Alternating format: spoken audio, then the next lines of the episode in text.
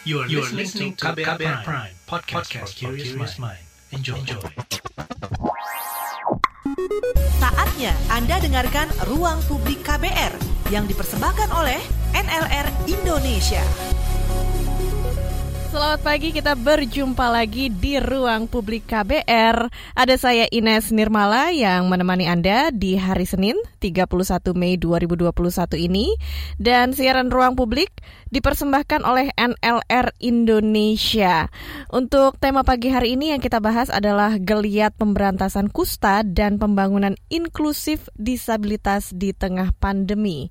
Indonesia masih belum bebas kusta dan bahkan Indonesia termasuk negara dengan peringkat ketiga total kasus kusta terbesar di uh, di seluruh dunia. Dan pemerintah juga menargetkan untuk memberantas kusta secara menyeluruh di Indonesia pada 2020 lalu. Tapi nyatanya penularan kusta masih terjadi dan angka temuan kasus barunya masih stagnan sejak 10 tahun terakhir. Lebih lagi di tengah pandemi COVID-19, kampanye pencegahan dan pengendalian penanggulangan kusta di sejumlah daerah menjadi terhambat, tetapi bukan berarti penanggulangan kusta berhenti sama sekali. Lalu bagaimana geliat pemberantasan kusta di masa pandemi dan kapan kira-kira target Indonesia bebas kusta akan tercapai? Dan karena sangat erat kaitannya dengan pembangunan inklusif, apa saja inisiatif yang dilakukan oleh berbagai pihak untuk mengendalikan kusta dan konsekuensi lainnya seperti inisiatif untuk penyandang disabilitas karena kusta dan disabilitas lainnya di Indonesia. Dan bersama dengan kita di ruang publik KBR, pagi hari ini ada Bapak Rohman Budianto, Direktur Eksekutif The Jawa Post Institute of Pro Otonomi JPIP Lembaga Nirlaba Jawa Pos yang bergerak di bidang otonomi daerah. Langsung saja kita sapa. Selamat pagi, Pak Rohman. Selamat pagi, Mbak Ines. Apa kabarnya, Pak? Baik semuanya. Sehat Selamat selalu ya, Pak ya. Alhamdulillah. Iya. Dan juga bersama kita pagi hari ini adalah Bapak Komarudin Esos MKes Wakil Supervisor Kusta Kabupaten Bone, Sulawesi Selatan. Selamat pagi Pak Komarudin. Selamat pagi Mbak Ines. Iya Pak, apa kabar pagi hari ini? Alhamdulillah sehat-sehat Bu Ines. Sehat-sehat ya Pak. Baik, Pak Komarudin dan Pak Rohman, pagi hari ini kita membahas seputar geliat pemberantasan kusta dan pembangunan inklusif disabilitas di tengah pandemi. Membicarakan dulu seputar kusta bersama Bapak Komarudin, uh, dari Dinas Kesehatan Kabupaten Bone, Bone Sulawesi Selatan.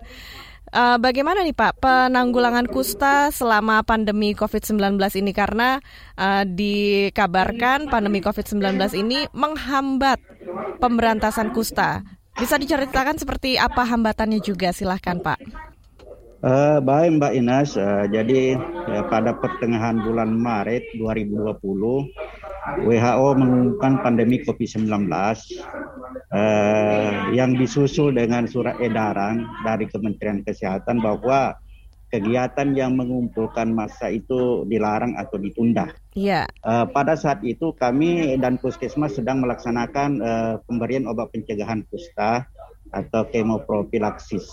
Tapi karena adanya surat edaran itu maka kegiatan itu kami tunda dan eh, sekitar tiga bulan kemudian atau sekitar bulan enam eh, baru ada sudah edaran bahwa kegiatan boleh dilakukan sepanjang tidak mengumpulkan eh, massa eh, sehingga eh, kegiatan itu di, bisa kita eh, lanjutkan di bulan eh, Juni tahun 2020. Eh, selain itu juga eh, ada revisi anggaran untuk program kusta sehingga eh, beberapa kegiatan itu eh, tertunda atau tidak terlaksana. Seperti itu, Mbak. Iya. Nah, untuk temuan kasus baru di uh, Kabupaten Bone seperti apa, Pak, untuk kasus kusta ini?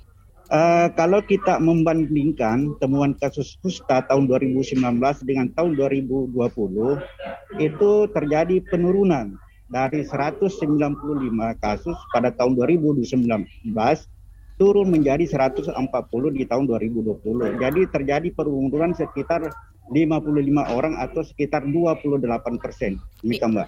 Iya, penurunan ini juga karena pandemi ini uh, dari Dinas Kesehatan tidak bisa langsung datang ke masyarakat ya Pak untuk uh, menemukan kasus kusta ini ya Pak. Ya pada waktu-waktu tertentu awal-awal pandemi COVID-19 itu kita uh, dibatasi untuk kunjungan langsung ke masyarakat, apalagi sifatnya mengumpulkan masyarakat ya, seperti itu. Mbak. Iya. Nah sekarang saya mau ngobrol dengan Pak Rohman Budianto. Ini kita sama-sama dari media ya Pak ya, dan seputar Jawa Pos yang kita tahu juga salah satu perusahaan media terbesar di Indonesia. Bagaimana Jawa Pos memandang isu seputar disabilitas atau juga secara spesifik kita membicara, membicarakan isu tentang kusta? Ya, seperti yang disampaikan Pak Komarudin tadi, memang eh, pandemi COVID ini mempengaruhi semua sektor kehidupan, termasuk dalam hal isu-isu in, inklusivitas ini. Karena sekarang ini semuanya fokus uh, mungkin 80% itu kepada uh, isu COVID ya, mm-hmm. isu COVID. Makanya level inklusivitas dalam uh, penanganan problem masyarakat itu menjadi berkurang karena yang lainnya menjadi uh, tidak terlalu terperhatikan. Misalnya saya amati juga saya mengajukan kunjungan ke lapangan karena saya sehari-hari juga ada berdinas di kementerian, memang misalnya isu kayak eh, termasuk kusta, termasuk TBC, termasuk HIV, AIDS misalnya, itu sangat eh, berkurang perhatiannya. Yeah. Ini tidak bisa disalahkan tadi seperti disampaikan oleh Pak Komar, kita memang dilarang eh, atau dianjurkan untuk tidak terlalu eh, sering melakukan kegiatan yang bersifat pengumpulan masyarakat Eh, sedangkan pengumpulan masyarakat yang yang uh, difokuskan kepada COVID biasanya di, diberikan eh, perangkat-perangkat yang sangat uh, apa khusus, misalnya kayak APD, kayak kemudian tes uh, COVID dan sebagainya. Sementara untuk yang lainnya belum terfasilitasi. Uh, begitupun bagi perusahaan, isu inklusivitas ini juga makin merepot eh, bukan merepotkan makin tersisihkan. Karena selain perusahaan mengulang, mengalami downsizing bahkan yeah. ada yang tutup ya. Betul. Jadi artinya akhirnya terpilih siapa yang eh, bisa survive di, di di perusahaan itu. Misalnya dari 100 tenaga kerja ketika ada kan ada pengurangan eh, pengurangan tenaga kerja itu jangankan yang difabel begitu, yang non difabel saja uh, mengalami, namanya, ya, mengalami pemutusan ya.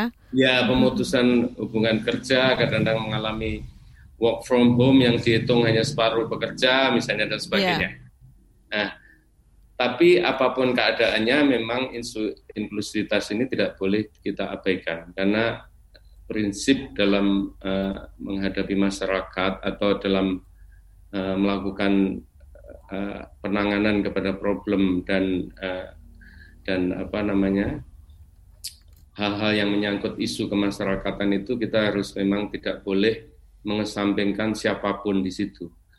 Dan di Jawa Pos sendiri isu inklusivitas ini memang tidak pernah spesifik menjadi kampanye yang yang ditonjolkan begitu, tapi secara intrinsik Eh, sejak jauh sebelum misalnya eh, undang-undang disabilitas itu disahkan, yeah. kami sudah tidak mem, tidak mendiskriminasi eh, teman-teman yang difabel dalam rekrutmen tenaga kerja. Jadi di Jawa Pos maupun anak perusahaannya itu kita tidak lagi memandang misalnya perbedaan yang sifatnya fisikal atau psikologikal gitu kan misalnya dalam hal rekrutmen tenaga kerja nanti akan saya explore misalnya di mungkin di segmen berikutnya. Yeah. kalau saya explore sekarang nanti saya kehabisan Boleh. Iya Pak, nanti kita bicarakan ya seputar bagaimana Jawa Pos melibatkan teman-teman disabilitas melakukan inklusi supaya mereka juga diberi ruang ya Pak untuk berkarya atau bekerja. Iya, oke. Sekarang saya kembali lagi uh, berbicara dengan Bapak Komarudin dari Dinas Kesehatan Kabupaten Bone. Ini Pak, seperti kita tahu tadi Pak Komarudin juga menceritakan fokus pemerintah pada masa pandemi ini adalah penanganan COVID-19 dan terhadap uh, kasus kusta nih Pak. Kita kembali lagi membicarakan seputar kasus kusta di mana tadinya sebelum pandemi dari puskesmas tenaga kesehatan bisa melakukan kunjungan kepada masyarakat langsung bertemu gitu ya. Nah di tengah pandemi COVID-19 bagaimana upaya untuk deteksi dini dan penemuan kasus kusta? Uh, jadi upaya deteksi dini dan penemuan kasus kusta di awal-awal pandemi COVID-19 memang uh, uh, terjadi uh, hambatan karena uh, fokus pada pandemi COVID-19 sehingga uh, kita tidak boleh langsung uh, uh, uh, ke masyarakat terutama dalam hal pengumpulan uh, massa. Akan tetapi di satu sisi program kusta harus tetap berjalan Eh, karena uh, uh, apabila kusta itu di, di penanganannya dihentikan, penemuan kasusnya di di stop sepanjang pandemi COVID-19, nah nanti dikhawatirkan nanti akan terjadi penularan yang meluas kepada uh, masyarakat. Iya, Oleh karena itu kegiatan uh, kegiatan tetap kita lakukan. Uh, seperti misalnya yang kami sudah lakukan adalah uh, intensifikasi case finding atau ICF Pusta. Nah, ini kita melibatkan uh, uh, apa namanya kader-kader uh, petugas uh, kesehatan dalam hal ini bidan desa untuk uh, melakukan uh, pendataan uh, kepada warga masyarakat yang uh, mengalami uh, apa namanya uh, bercak-bercak uh, dan selanjutnya ditindaklanjuti oleh uh, petugas puskesmas untuk uh, melakukan pemeriksaan baik itu dilakukan di uh, apa namanya di rumah pasien maupun di uh, balai desa uh, sepanjang kita memperhatikan protokol kesehatan. Demikian, Mbak. Iya. Nah, untuk di Kabupaten Bone sendiri seperti apa prevalensi kusta jika di uh, tahun ini ya jika dibandingkan tahun-tahun sebelumnya sebelum pandemi COVID-19? Uh, jadi situasi prevalensi kusta di Kabupaten Bone sebelum pandemi COVID-19 itu uh, mengalami stagnan. Mm -hmm. 20 tahun terakhir prevalensinya itu uh, rata-rata 2,5 per 10 ribu penduduk. Yeah. Uh, tetapi uh, di masa pandemi COVID-19 pada tahun 2020 uh, itu prevalensinya itu turun menjadi 1,7 per 10 ribu penduduk. Uh, jadi ini uh, uh, penurunnya cukup signifikan. Sepanjang sejarah uh, kusta, prevalensi kusta di Kabupaten Bone ini tidak pernah uh, uh, di bawah uh, dua, yeah. uh, selalu di atas dua. Tetapi karena di pandemi COVID-19 ini turun menjadi 1,7 per 10 ribu penduduk. Demikian Mbak. Iya. Penurunannya apa faktor penyebabnya Pak? Ya faktor penyebabnya ya salah satunya itu tadi eh, aktivitas eh, teman-teman kita di puskesmas itu eh, menurun, eh, dibatasi, iya. ya dibatasi sehingga eh, eh, tidak semua kegiatan yang sudah direncanakan itu eh, eh, dapat dilaksanakan sehingga penemuan kasus juga uh, berkurang seperti itu, Mbak. Oh iya, karena aktivitas dari puskesmas juga dibatasi ya Pak. Ini prevalensi kusta jadi menurun iya, iya. seperti itu. Oke, baik Pak Komarudin dan Pak Rohman, kita jeda dulu sejenak. Kita akan kembali ke ruang publik KBR yang dipersembahkan oleh NLR Indonesia setelah yang berikut ini. Masih Anda dengarkan Ruang Publik KBR yang dipersembahkan oleh NLR Indonesia. Commercial break. Commercial break. Commercial break.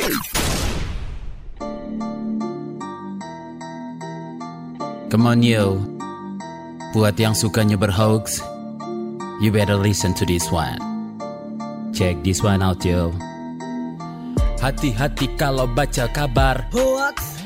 Jangan langsung disebar kabar yang hoax. Kalau mau tahu kabar benar atau hoax, Dengerin cek fakta yang pasti bukan hoax. Dengerinnya setiap Senin yang jelas bukan hoax. Cuma ada di kbrprime.id dan aplikasi podcast lainnya. Hoax.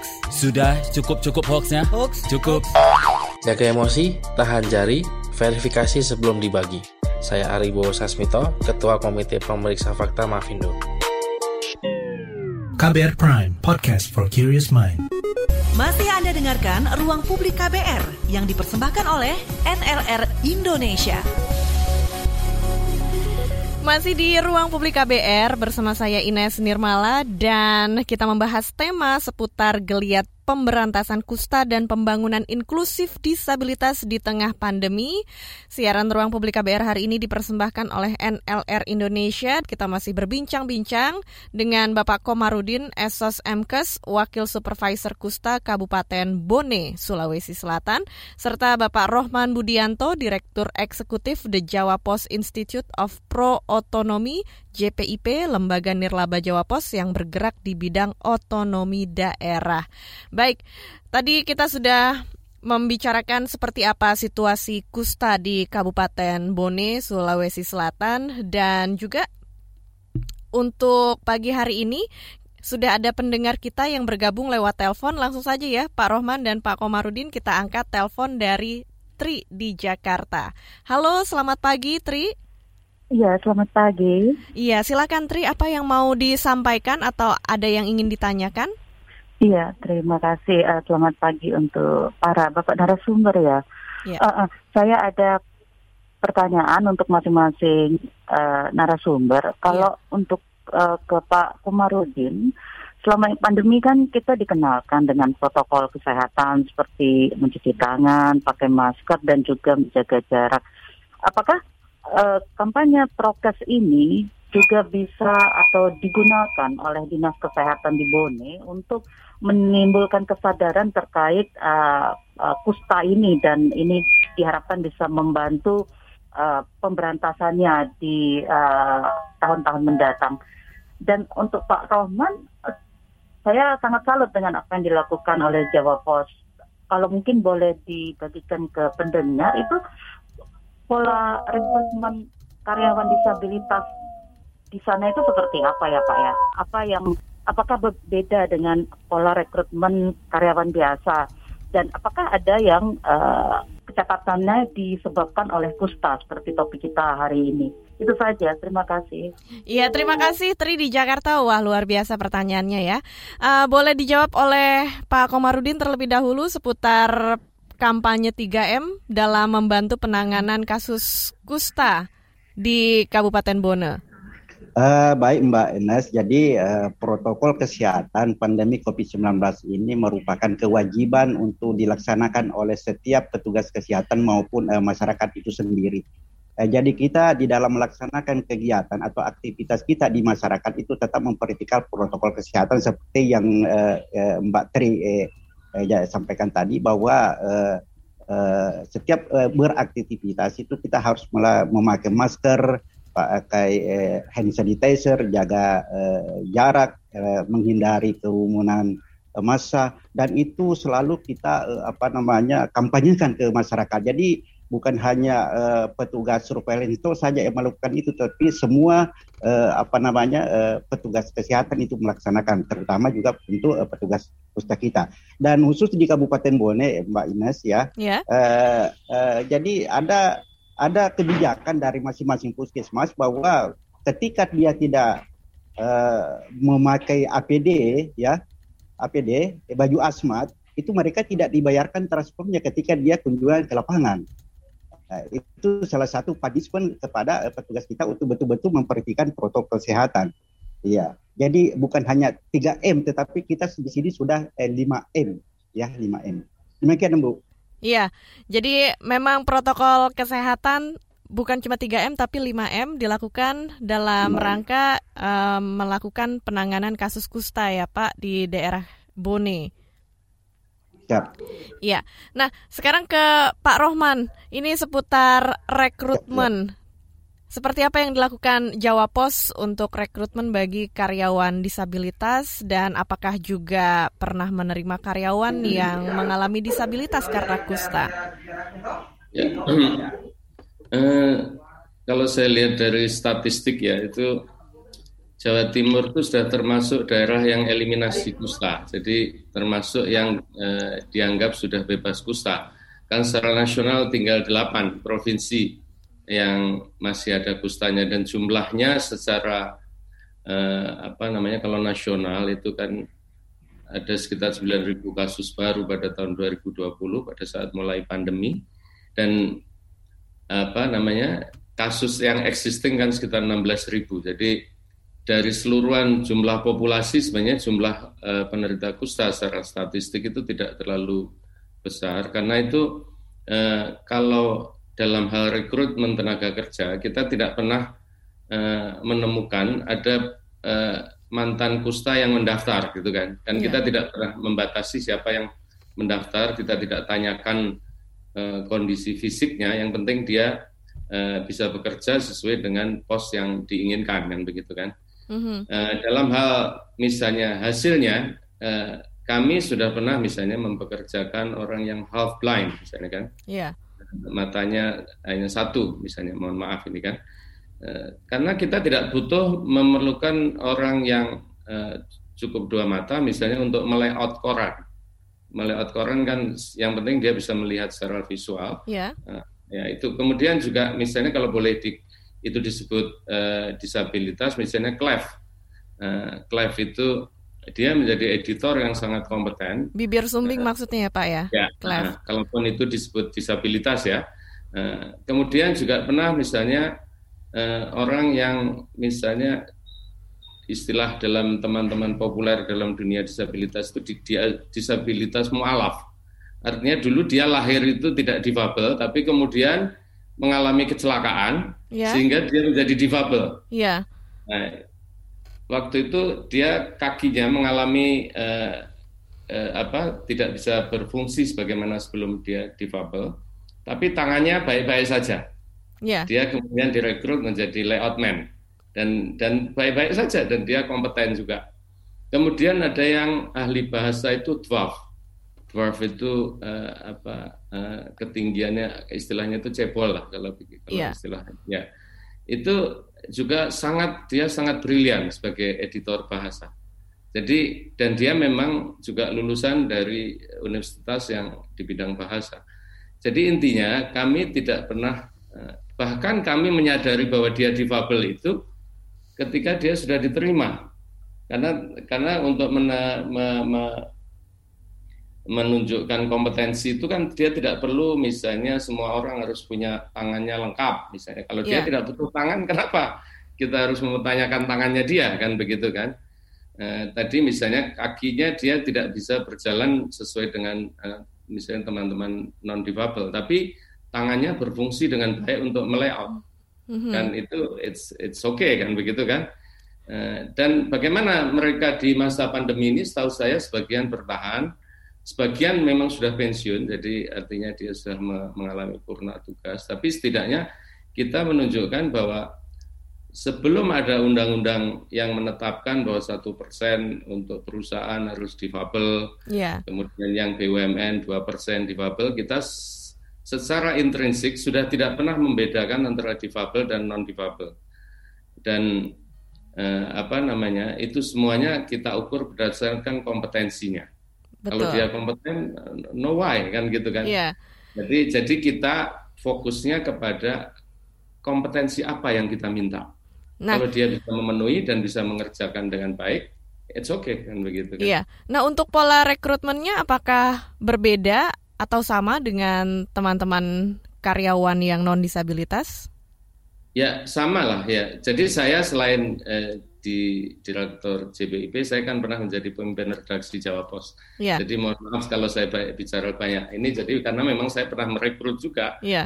gitu kan. Saya juga pernah mendirikan beberapa koran daerah, jadi begitu.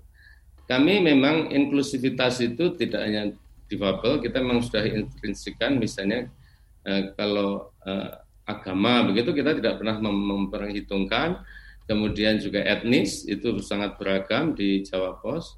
Kemudian juga tentang disabilitas ini memang tidak ada afirmasi karena karena kita tidak pernah eh, apa membedakan kelompok difabel. Afirmasi itu kan eh, khusus untuk difabel akan direkrut dengan cara begini tidak. Yeah. Jadi kita pengumumannya satu, siapa pun yang mempunyai kualifikasi bahasa, layout, kemudian eh, jurnalis, uh, atau pemasaran misalnya, silakan aja mendaftar. Nanti kita uji kompetensinya di situ. Iya. Begitu. Yang penting kemampuan dan juga kompetensinya ya Pak, yang sesuai ya, dengan ya. lowongan pekerjaan yang dibuka seperti itu. Ya, kami memang belum pernah me, menerima atau mendapat orang yang mendaftarkan dari teman yang uh, mantan kusta begitu. Karena penderita kusta ini kan memang sangat sedikit sekali dan uh, biasanya ada di daerah yang sangat uh, secara higienis itu sangat kurang sehingga mereka kadang-kadang akses pendidikan atau apa itu juga tidak mungkin saja tidak uh, tidak apa bisa cocok dengan apa yang dibutuhkan dalam sebagai karyawan Jawa Pos begitu. Yeah. Dan jadi saya pikir uh, bukan karena tidak dan selain itu juga uh, biasanya kusta itu adalah sangat spesifik.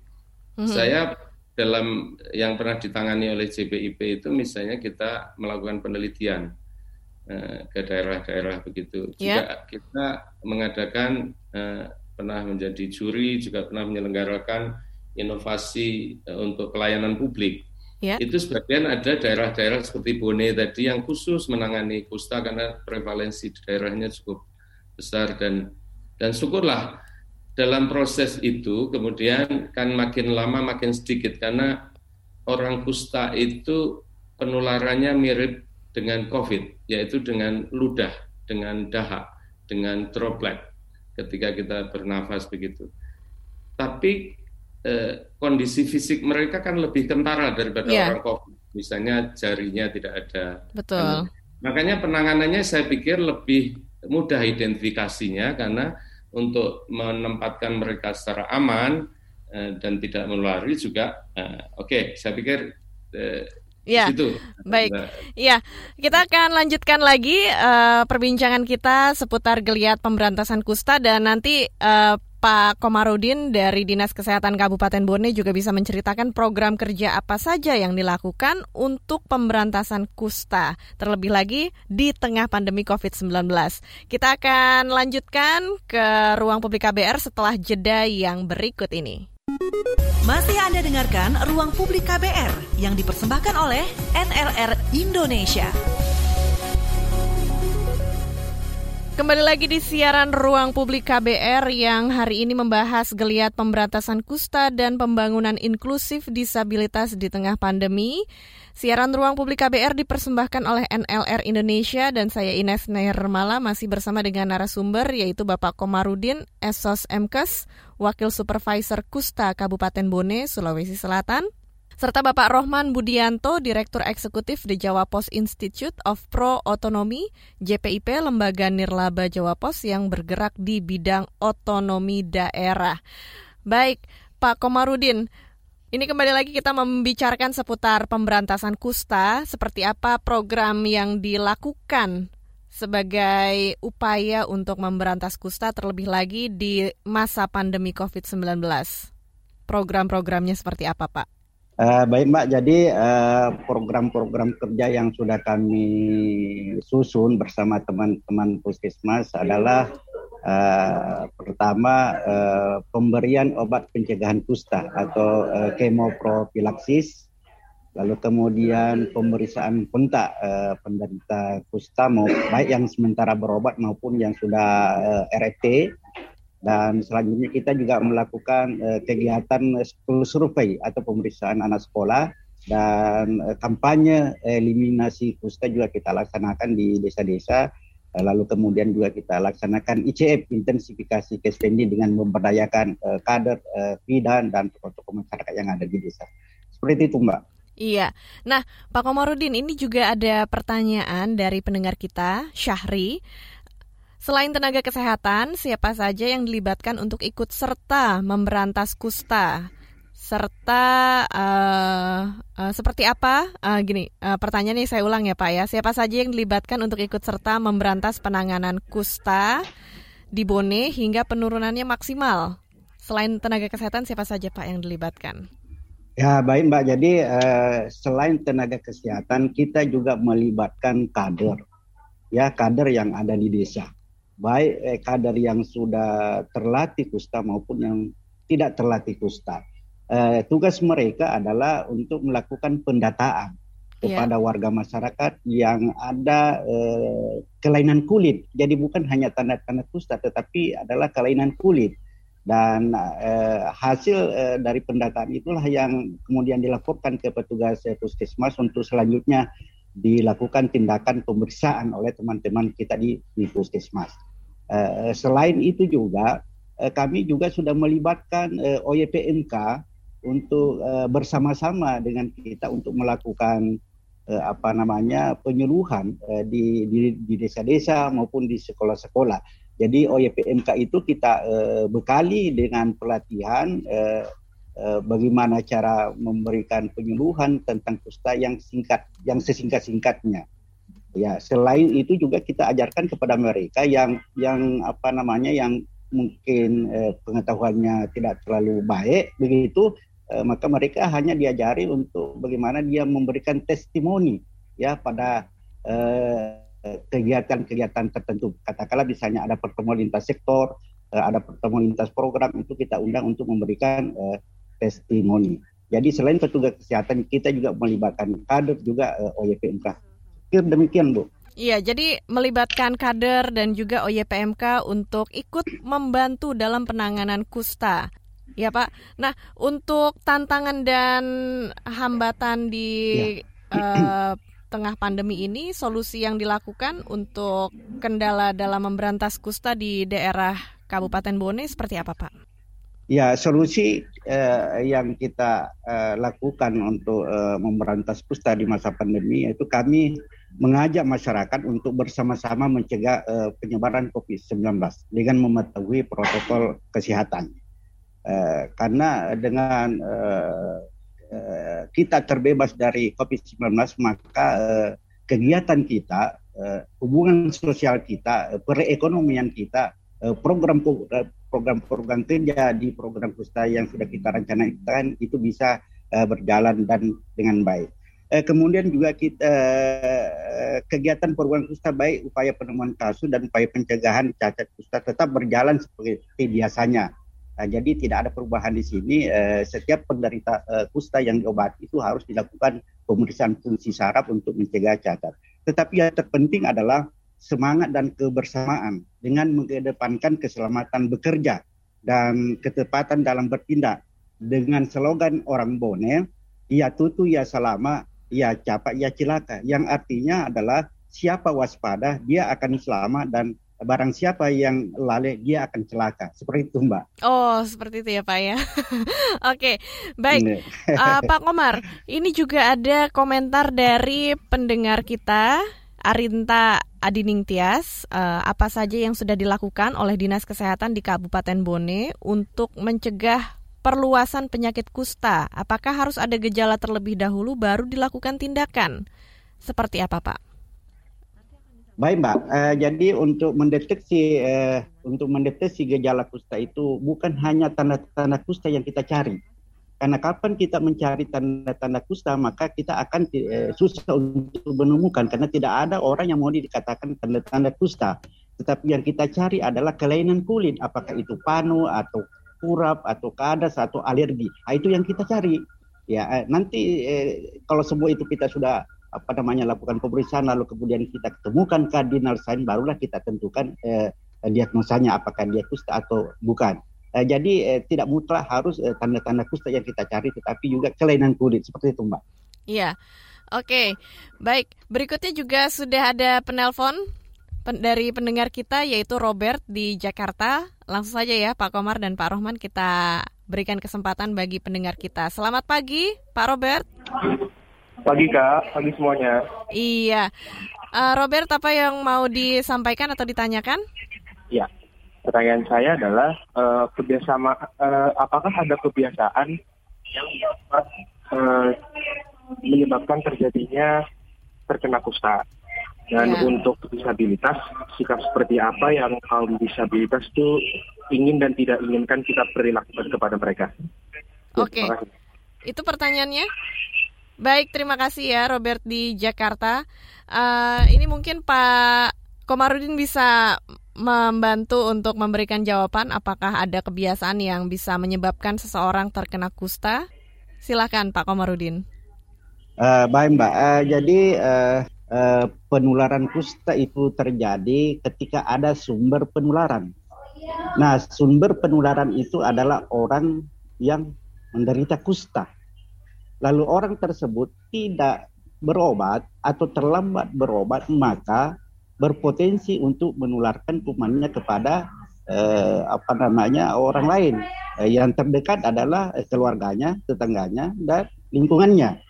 Eh, seperti itu. Nah, itu pun tergantung daripada uh, sistem daya tahan tubuh seseorang. Kalau sistem daya tahan tubuh seseorang itu kuat, uh, maka orang tersebut walaupun tinggal serumah dengan uh, orang kusta, dia tidak akan tertular. Dia tidak akan tertular. Jadi ini tergantung juga uh, apa namanya kekebalan tubuh. Nah, hasil penelitian, Mbak, yang sudah dilakukan uh, bahwa di antara 100 orang uh, ya bergaul dengan penderita kusta Eh, nah, kemudian dievaluasi ternyata uh, hanya 95 persennya uh, itu kebal. Manusia itu kebal terhadap uh, kuman kusta hanya sebaik kecil saja sekitar 5 persen. Itu pun belum memperhatikan masalah pengobatan. Uh, jadi kalau soal kebiasaan uh, orang terkena kusta saya belum pernah dapat referensi, tetapi paling tidak kalau orang bergaul dengan orang kusta yang tidak ber, ber apa namanya berobat itu berpotensi untuk uh, menularkan kumannya, kumannya kepada orang tersebut. Seperti itu menurut saya, Mbak. Iya. Nah, Pak Rohman, apakah juga ingin menanggapi pertanyaan dari pendengar kita lewat telepon barusan? Ya, saya pikir memang kusta ini kan penyakit yang uh, terus terang aja menular ya, menular ya memang. Uh, dan saya juga uh, mungkin akan menanggapi isu yang terpisah yaitu cara pemerintah mengkomunikasikan kepada kepada uh, apa masyarakat. Misalnya saya tadi menyebut Jawa Timur sudah secara provinsi sudah eliminasi kusta. Iya. Itu orang bisa berpersepsi bahwa sudah tidak ada kusta di situ padahal benar. Itu ternyata maknanya pemerintah bahwa dari 10.000 orang itu kurang dari satu orang menderita kusta artinya masih ada sebenarnya dan untuk provinsi besar kayak Jawa Tengah, Jawa Timur, Jawa Barat itu pasti sekalipun prevalensinya itu di satu orang di bawah satu orang dari sepuluh ribu itu tetap jumlahnya banyak. Nah, yang paling penting dari itu adalah tetap terus memperhatikan mereka sekalipun kita ini juga uh, sedang uh, apa dirundung COVID begitu ya. Ya. Dan dan memang apa isunya itu makin lama makin kecil karena memang jumlahnya tadi seperti saya bilang itu tidak terlalu besar dalam kom, dalam dalam persentase di masyarakat itu. Iya. Tapi memang, memang sekecil apa pun mereka adalah manusia.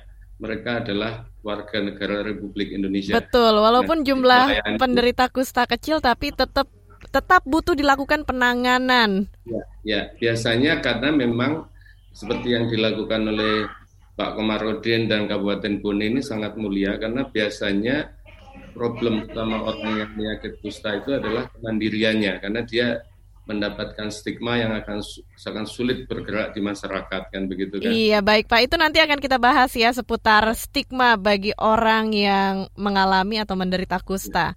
Oke sekarang kita jeda dulu sejenak. Kita akan kembali lagi ke siaran ruang publik KBR yang dipersembahkan oleh NLR Indonesia. Masih Anda dengarkan Ruang Publik KBR yang dipersembahkan oleh NLR Indonesia. Commercial break. Commercial break. Commercial break. Anda sering gelisah, tidak bisa tidur nyenyak, selalu merasa ada yang merasuki pikiran Anda. Ini bukan iklan horor atau cerita seram, tapi kalau Anda mengalami hal seperti itu, Anda pasti ketinggalan berita terupdate yang lagi ramai diperbincangkan. Gak mau kan dibilang ketinggalan berita?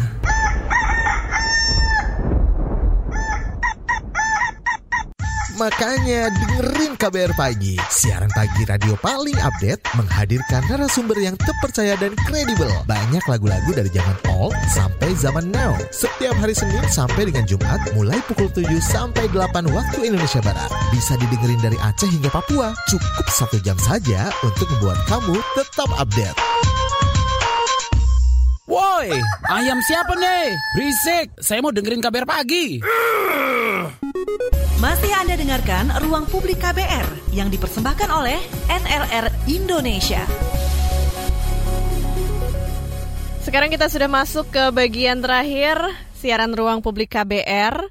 Masih bersama saya Ines Nirmala dan juga narasumber kita Bapak Komarudin, Wakil Supervisor Kusta Kabupaten Bone, Sulawesi Selatan, serta Bapak Rohman Budianto, Direktur Eksekutif The Jawa Post Institute of Pro Autonomy JPIP, Lembaga Nirlaba Jawa Post yang bergerak di bidang otonomi daerah. Dan pagi hari ini siaran kita juga masih membicarakan seputar geliat pemberantasan kusta dan pembangunan inklusif disabilitas di tengah pandemi pandemi.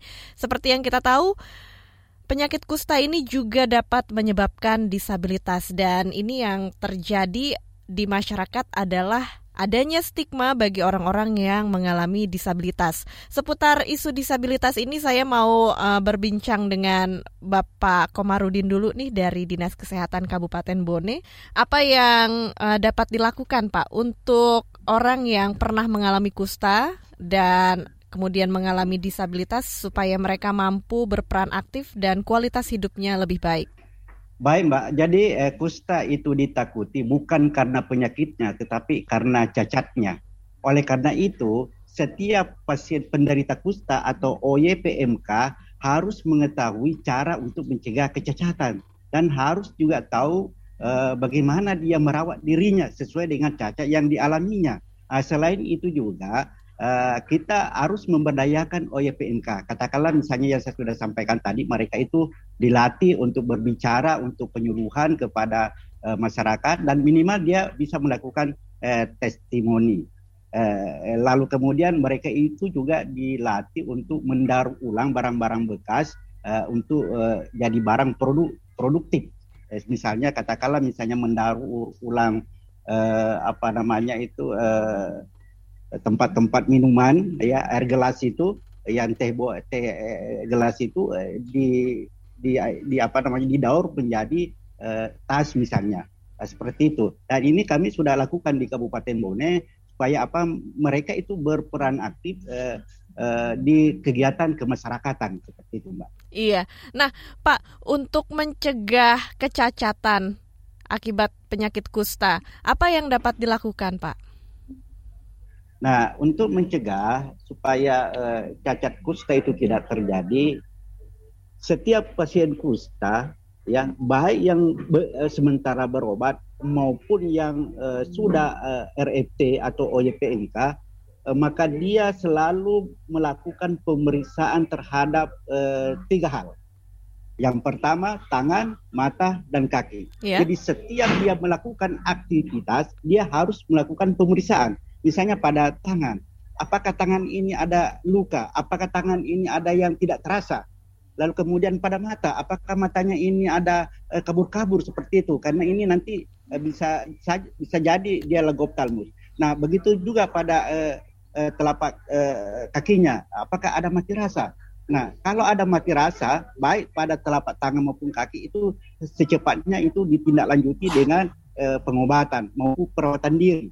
Eh, saya kasih contoh misalnya, bagi penderita kusta yang sudah terlanjur cacat, katakanlah misalnya dia eh, luka, luka pada telapak kaki atau ukus, maka orang tersebut harus melakukan perawatan diri dengan cara merendam eh, kakinya yang luka itu eh, di air biasa dengan memakai baskom, lalu kemudian eh, dibersihkan eh, setelah dibersihkan lalu kemudian ditipiskan eh, pinggiran daripada luka itu lalu kemudian dioles lalu kemudian dibalut. Jadi eh, prinsipnya di sini adalah rendam, gosok, oles. Nah, kalau ini dilakukan secara eh, kontinu terus menerus eh, dalam hitungan bulan, insya Allah luka yang dialami itu bisa eh, sembuh. Seperti itu, Mbak. Iya, jadi yang penting juga untuk penanganan kusta dan pencegahan terjadinya disabilitas adalah pada tahap awal ini ya Pak ya. Pada masa ya. apa? Jadi sebelum penyakit kusta ini menjadi semakin parah sudah mendapatkan pengobatan. Jadi bisa dicegah hmm. timbulnya kecacatan. Seperti itu ya Pak ya? Iya. Iya. Baik. Ya, nah, saya tambahkan Mbak. Iya? Saya tambahkan uh, setelah melakukan pemeriksaan lalu kemudian yang masih berobat itu harus rutin uh, datang ke puskesmas untuk uh, melakukan uh, monitoring evaluasi atau pemeriksaan fungsi saraf. karena ada ada ada yang namanya reaksi. Reaksi itu terkadang uh, silent neuritis, artinya tidak ada gejala-gejala. Uh, nanti setelah dilakukan pemeriksaan fungsi saraf baru diketahui. Nah, kalau ini tidak diketahui oleh petugas maka tidak ada tindakan. Nah, ini juga berpotensi untuk terjadi cacat. Jadi selain itu tadi dia melakukan pemeriksaan mata tangan dan kaki juga dia harus melakukan secara rutin pemeriksaan di puskesmas. Iya. Mbak. Iya, Ra uh, rajin dan rutin datang ke puskesmas untuk memantau kondisi kesehatannya ya Pak ya dan bagaimana ya, ya. Uh, penanganan kusta ini sudah sejauh mana uh, dilakukan terhadap orang tersebut. Baik, nah ya, ya. Uh, Pak Rohman saya juga mau uh, Pak Rohman menanggapi seputar stigma atau diskriminasi yang dialami oleh orang yang mengalami disabilitas atau orang yang uh, pernah mengalami kusta dan kemudian menjadi disabilitas. Apa yang dapat kita lakukan untuk menghentikan stigma diskriminasi ini? Ya, uh, memang ini uh, apa ya kusta ini penyakit yang secara kesehatan pun orang harus berjaga jarak dengan penderita kusta ini kan karena yeah. memang saya pikir sangat mirip dengan COVID harus pakai masker jaga jarak ventilasinya harus baik jaga daya tahan tubuh agak mirip tapi efeknya kalau COVID itu mungkin eh, mempengaruhi organ dalam ya, tidak organ luar. Yeah. Jadi misalnya setelah menderita COVID itu sembuh, mungkin paru-parunya yang agak berat begitu kan. Tapi kalau kalau kalau apa namanya kusta ini memang kelihatan kentara. Tadi yang mungkin apa yang dilakukan oleh Pak Komarudin tadi upaya yang sangat bagus dan itu uh, standar. Misalnya memang harus perlu pendampingan yang agak intensif sampai mereka betul-betul sembuh. Dan yeah. yang kedua mungkin Mbak uh, Mbak uh, apa Mbak Ines yeah. itu mungkin perlu diedukasi tentang kan ini intinya mereka itu kan uh, agak susah ketemu orang lain. Orang lain juga tidak mau ketemu mereka. Iya Pak, mungkin bisa dipersingkat bisa, aja ya Pak ya. Bisa dididik dengan keterampilan online mungkin. Berbisnis hmm. secara online mungkin agar mereka lebih aman juga, lebih dari stigma itu dan orang lain juga merasa tidak ragu kontak dengan mereka. Terima kasih. Iya, baik. Ini karena kita sudah ada di penghujung acara, saatnya kita uh, sudahi perbincangan kita di ruang publik KBR. Saya ucapkan terima kasih banyak kepada Pak Komarudin dari Dinas Kesehatan Kabupaten Bone dan juga Bapak Rohman Budianto dari Jawa Pos. Terima kasih sudah berbincang-bincang di siaran ruang publik hari ini yang dipersembahkan oleh NLR Indonesia. Iya. Terima kasih juga, Mbak. Iya. Sampai ketemu lagi dan saya juga mengucapkan terima kasih banyak kepada Anda yang sudah mendengarkan siaran ruang publik KBR dan karena waktu yang terbatas kita akhiri sampai di sini. Saya Ines Nirmala pamit undur diri. Sampai jumpa lagi. Salam. Baru saja Anda dengarkan Ruang Publik KBR yang dipersembahkan oleh NLR Indonesia. KBR Prime, cara asik mendengar berita. KBR Prime, podcast for curious mind.